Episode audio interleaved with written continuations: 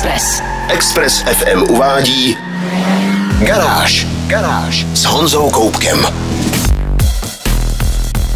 Dnes mám pro vás jednu obří elektrickou novinku, dva restomody a také zprávy o budoucnosti pravověrných britských sportáků. Ze všeho nejdřív ale otestuju elegantní Volkswagen Arteon Shooting Brake. Já jsem Honza Koubek a vítám vás v garáži na Expressu. Garáž. Na Express FM. Volkswagen Arteon je větší a luxusnější bráška běžného Passatu. Mluvit v případě Volkswagenu o luxusu může některým lidem přijít poměrně zvláštní ale v posledních letech šla kvalita materiálu i dílenského zpracování u některých obyčejnějších značek tak prudce nahoru, že se to zdá až neuvěřitelné. A protože Arteon jen o jediný stupínek nedosáhne na pozici vlajkové lodi Volkswagenu, a to ještě jen proto, že za hlavní modely se teď považují velká SUVčka, tedy v případě Volkswagenu Touareg, v jeho interiéru opravdu moc laciných a nepořádně smontovaných dílů nenajdete. Spíš naopak. A přitom interiér není zrovna místo, které by na tomhle autě zvlášť vybočovalo. Ano, je tam trochu víc prostoru, ale základní architektura celkem odpovídá tomu, na co jsou zvyklí zákazníci třeba z Passatu.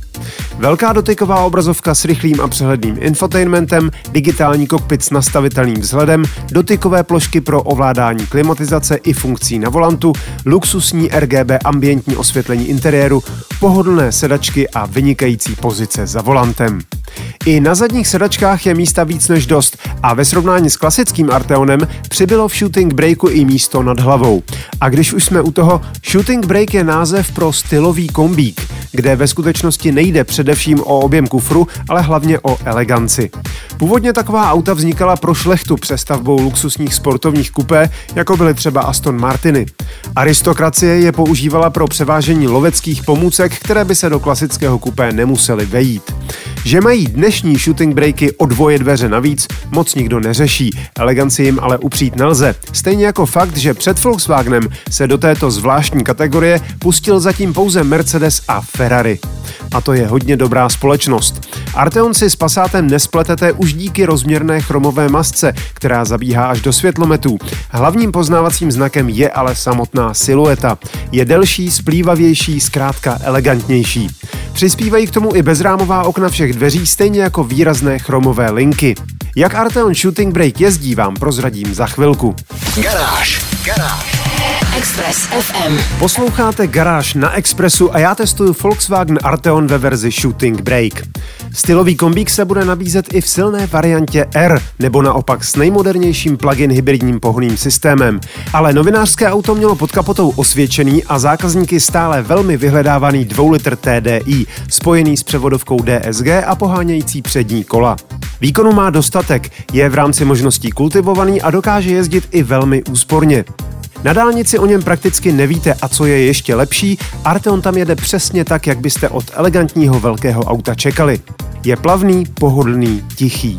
Jenže když dálnici opustíte, jízdní vlastnosti začnou dostávat drobné trhliny. Na zatáčkovité okresce s méně kvalitním asfaltem se rychle ukáže, že ačkoliv Arteon dokáže průměrně svižnou jízdu tolerovat, žádné velké řidičské potěšení vám za to nenabídne. Ani s příplatkovými adaptivními tlumiči Dynamic Chassis Control jsem z podvozku nedostal žádnou zpětnou vazbu. Nejsportovnější nastavení tlumičů způsobí pouze nepříjemné stvrdnutí podvozku a přenos otřesů do karoserie. Ani příplatková elektronická náhražka samosvorného diferenciálu pojmenovaná XDC by s řidičským zážitkem příliš nepomohla. Auto zůstává jednoznačně nedotáčivé. Samozřejmě je to záměr a není to žádný velký průšvih. Jenom je prostě třeba přiznat, že s Mazdou 6 Wagon se projedete zábavněji a s Peugeotem 508 SV zase pohodlněji. A i když si ani jeden z těchto soupeřů neříká shooting break, o velmi stylový kombík jde v obou případech. Arteon je navíc vzhledem ke své pozici dražší. Základní verzi začínající na 898 tisících si prakticky nikdo nekoupí. A jakmile naložíte nějakou tu výbavu a trochu výkonnější motor, už jste na milionu a 100 tisících. Novinářské auto s vysokou výbavou stálo přes milion a půl a za takovou cenu pořídíte skutečně prémiové trojkové BMW se slušnou výbavou a o hodně lepšími jízdními vlastnostmi. Je ovšem fakt, že testovací Arteon měl na palubě opravdu všechno, na co si vzpomenete a navíc jeho tvary jsou opravdu nepřehlednutelné a to bude pro mnoho zákazníků velký argument. Na moje další poznatky z týdenního testování se podívejte do videotestu meziplynu na www.televizeseznam.cz. Garáž. Garáž. Express FM. Jednou z nejzajímavějších módních vln posledních několika let jsou restomody. Jako první vás možná napadne Singer a jeho znovu vymyšlené klasické 911, ale stavějí se i staronové Jaguáry, Alfa Romeo a další.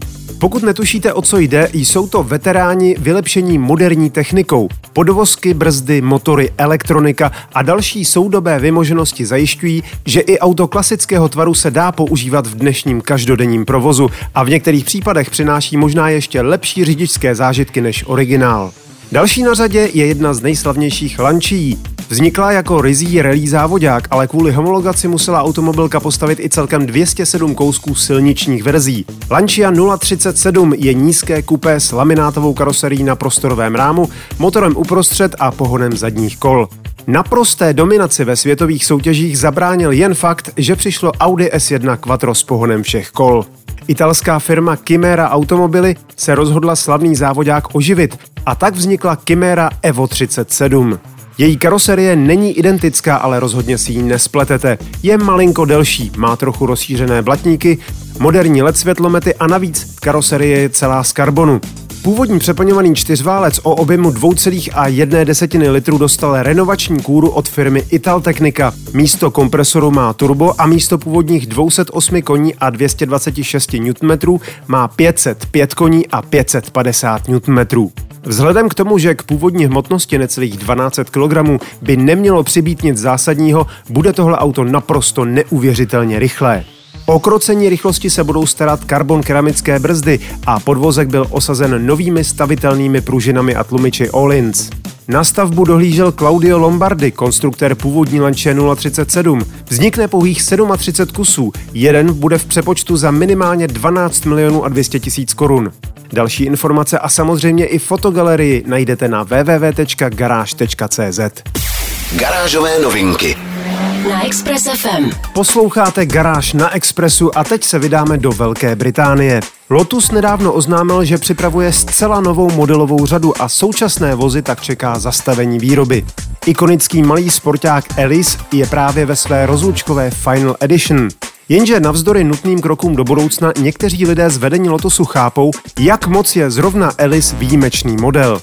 Nedávno se někteří nechali slyšet, že pokud by se našel vhodný partner, prodali by mu starou výrobní linku a také licenci pro další výrobu Lotusu Elise. Podobně jako práva na výrobu Lotusu 7 kdysi prodali společnosti Caterham. Osobně si z toho mezi řádky beru informaci, že připravované nové Lotusy už kvůli nejrůznější legislativě nebudou moct být tak lehké a analogové jako právě současný Lotus Elise, což je obrovská škoda. Je ale fajn, že automobilka odkaz svých ikonických modelů chápe a nebojí se spojit s externími firmami, aby ho udržela naživu. Na příkladu Caterhamu je vidět, že to jde velmi dobře. Ani Caterham samotný to ale nemá jednoduché. Pod tlakem momentálních okolností oznámil, že začne vyrábět i plně elektrický model. Firma Caterham nedávno změnila majitele. Jeho nový japonský vlastník ale prohlašuje, že elektrický Caterham bude muset především skvěle jezdit. Alespoň tak dobře, ne lépe než spalovací modely. Jasně, snížení těžiště pomocí baterky v podlaze by jízdním vlastnostem mohlo pomoci, ale Caterhamy jsou unikátní především tím, že skoro nic neváží. Je to jejich určující vlastnost. A akumulátory jsou prostě těžké. Už prý existuje prototyp a má brutální zrychlení, někde na úrovni nejostřejšího Caterhamu 620R. Kvůli úspoře hmotnosti nemá prý ani rekuperační brzdění, ale jak to bude v sériové verzi, se ještě diskutuje. Premiéra by měla být nejpozději do pěti let, ale 50-leté výročí značky v roce 2023 by byla dobrá příležitost. Ambicí výkonného ředitele značky je udržet spalovací motory ve výrobě co nejdéle, ale Británie je pravděpodobně od roku 2030 v nových autech zcela zakáže. Další informace najdete na webu garáž.cz. Express. 90,3 FM. A máme tu další restomod, tentokrát ze zcela nečekané strany, přímo od automobilky Opel. Její technici vzkřísili jedno z nejslavnějších sportovních kupátek značky ze začátku 70. let, pohlednou mantu. Nový výtvor se jmenuje Opel Manta GSE Electromod a jak název napovídá, pod přední kapotou už nenajdete původní benzínový čtyřválec, ale elektromotor. Karoserie je celkem původní, dostala jasně žlutou barvu, černou kapotu motoru, moderní diodová světla, ale naopak pěkně retro kliky. Zajímavou volbou jsou 17-palcová kola Ronal, díky kterým auto působí trochu jako na chůdách. Původní Manta měla totiž třináctky. Změnil se i interiér. Okna se sice dál stahují klasickými kličkami, ale na palubce najdete dva velké displeje. Pod volantem je 12-palcový, uprostřed pak 10-palcová obrazovka infotainmentu. Sedačky pocházejí z Oplu Adam S. Zajímavé je, že si vůz zachoval manuální převodovku a tři pedály a také to, že vpředu umístěný elektromotor pohání zadní kola. Zkrátka, výměna spalovacího za elektrický motor sice určitě není úplně jednoduchý úkol, ale určitě je snažší než vývoj a výroba kompletně elektrické platformy. Výkon elektromotoru 145 koní a točivý moment 255 Nm naznačují, že Opel nechtěl původní převodovku a další mechaniku vystavovat příliš brutálním silám. Skromný je i akumulátor o kapacitě 31 kWh, který má stačit na dojezd okolo 200 km. To všechno stačí, protože Manta GSE Elektromod je pouhá reklamní záležitost, která má ukázat, že elektromobilita není nuda. Se sériovou výrobou se v žádném případě nepočítá. Jako designové cvičení je to možná fajn, ale pokud by Opel opravdu chtěl dokázat, že elektrická auta nejsou nudná, chtělo by to poslat do prodeje něco skutečně moderního a jízdně zajímavého. Takhle je to z mého pohledu trochu výkřik do tmy. Pěkným designem ze 70. let se ale můžete pokochat aspoň na našem webu garáž.cz. Express. 90,3 FM. Víte, jaký bude nejdůležitější elektrický pickup na světě?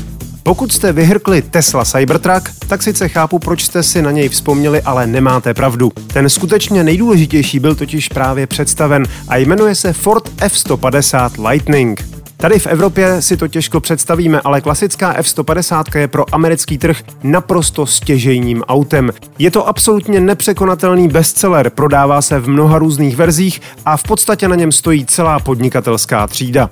Jasně, má i soupeře od jiných značek, ale jeho dominantní postavení neslábne. No a teď je tu elektrická verze. Má nový pevný rám, novou nezávisle zavěšenou zadní nápravu, ale zvenčí si ho s ničím nespletete. Jen v té masivní přídi je místo spalovacího motoru obří přední kufr o objemu 399 litrů.